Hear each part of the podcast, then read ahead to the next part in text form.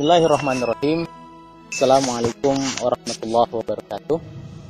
Innal hamdalillah nahmaduhu wa nasta'inuhu wa nastaghfiruh wa na'udzu billahi min sururi anfusina wa min sayyiati a'malina may yahdihillahu fala mudhillalah wa may yudlilhu fala hadiyalah. Asyhadu an la ilaha illallah wahdahu la syarikalah wa asyhadu anna Muhammadan abduhu wa rasuluhu la nabiyya ba'dah.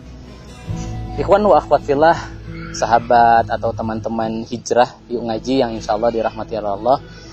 Alhamdulillah pada kesempatan kali ini uh, saya Muhammad Hilman Nawawi ingin uh, kembali sharing terkait hal-hal apa saja yang bisa memberikan motivasi ya atau charge kepada kita ya selaku teman-teman hijrah untuk supaya senantiasa istiqomah di dalam uh, hijrah ini.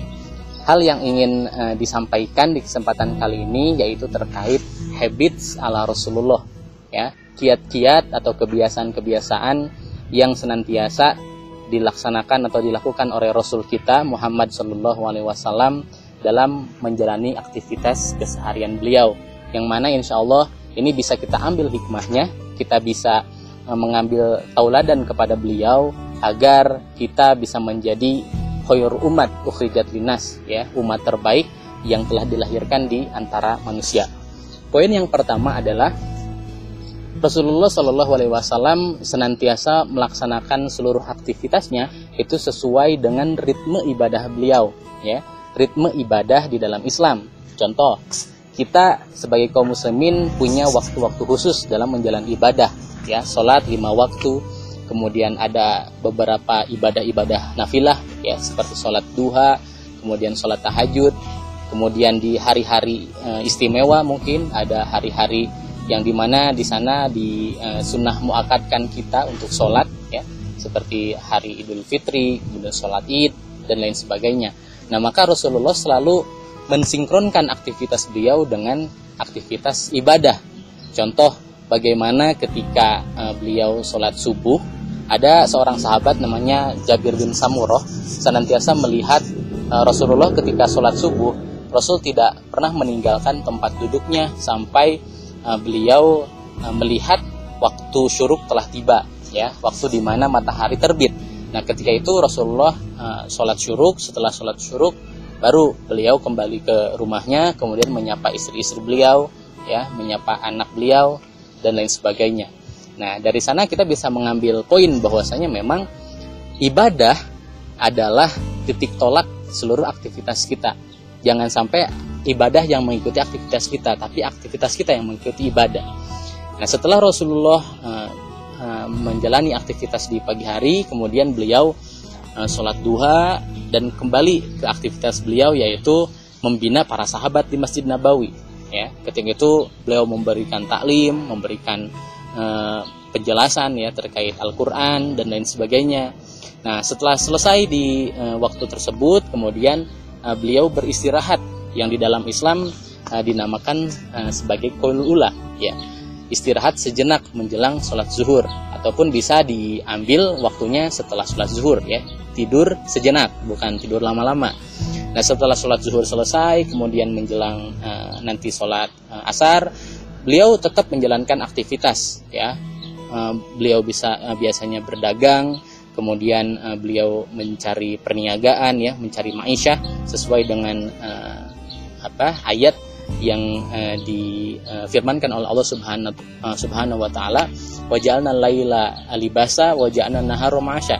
Ya jadi di dalam aktivitas uh, kita sehari-hari kita harus klasifikasikan mana aktivitas yang bisa kita pergunakan untuk ma'asya ya untuk mencari penghidupan dan mana yang harus kita maksimalkan untuk istirahat ya libasa. Ya jadi uh, jangan sampai ke balik-balik gitu uh, siang hari kita gunakan untuk istirahat sementara malam hari kita gunakan untuk bekerja. Jika memang hal itu terjadi maka insya Allah kehidupan kita akan uh, ya acak-acakan ya tidak akan tertata rapi makanya ritme ibadah Rasul itu bisa kita contoh untuk uh, supaya kita menjadi uh, pribadi yang lebih baik kembali.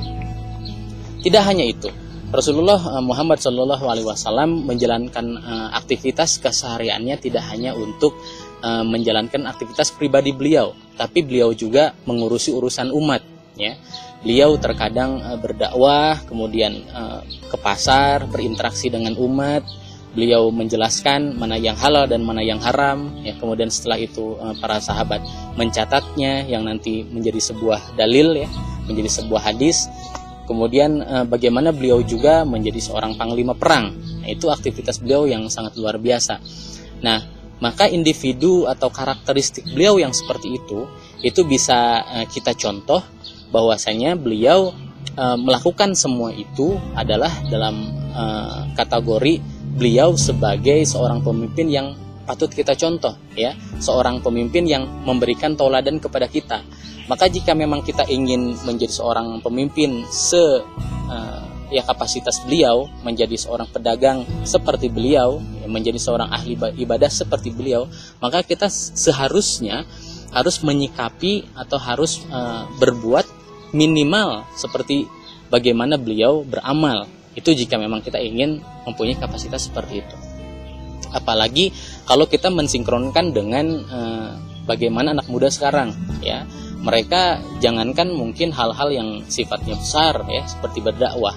Rutinitas ibadah sehari sehari-hari saja mungkin terkadang terbengkalai. Nah ini menjadi uh, pelajaran untuk kita semua. Kita sebagai uh, generasi penerus uh, umat Islam ini senantiasa harus uh, melihat dan mencontoh bagaimana uh, ritme ibadah beliau menjadi uh, rundown kegiatan beliau sehari-hari. Maka point of view dalam kesempatan kali ini adalah bagaimana uh, Rasulullah bisa mencetak kader ya para sahabat yang unggul bisa meninggalkan uh, se apa seorang pemimpin-pemimpin uh, dinasti atau seorang pemimpin-pemimpin peradaban yang nantinya di uh, tongkat estafet kepemimpinan beliau itu dari Khulafaur Rasyidin berpindah kepada uh, Umay Umayyah berpindah kepada Abbasiyah ke Turki Utsmani. Sampai mungkin ke kita ya di Nusantara ini bisa um, bagaimana menikmati iman dan Islam itu sebab dari dakwahnya beliau ya. Sebab dari kegigihan dakwahnya beliau.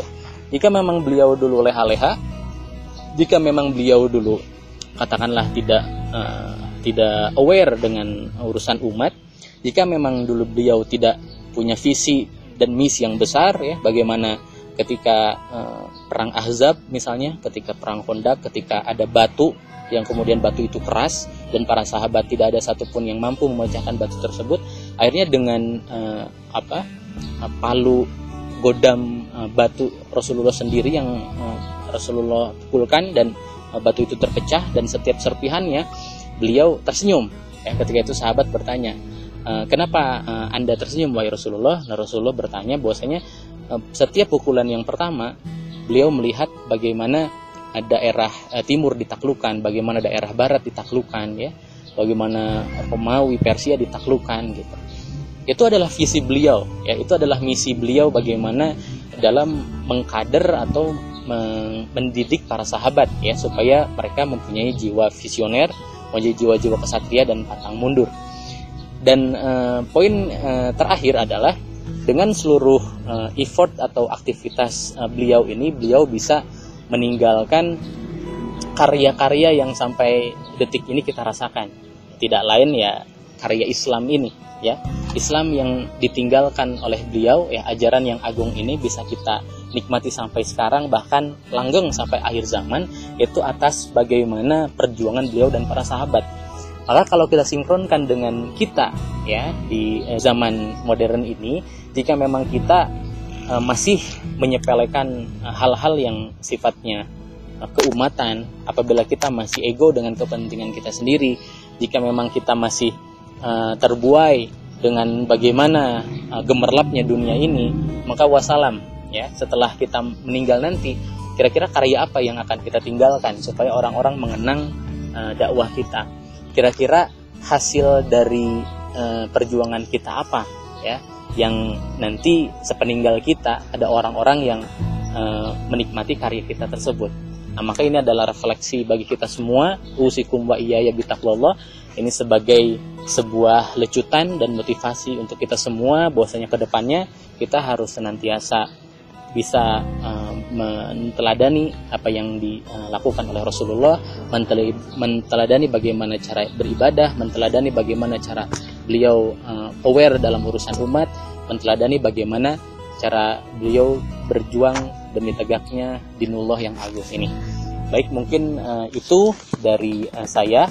Uh, segala kelebihan itu datangnya dari Allah Subhanahu wa taala, segala kekurangan itu datangnya dari saya sendiri usikum wa iya nafsi. Wassalamualaikum warahmatullahi wabarakatuh.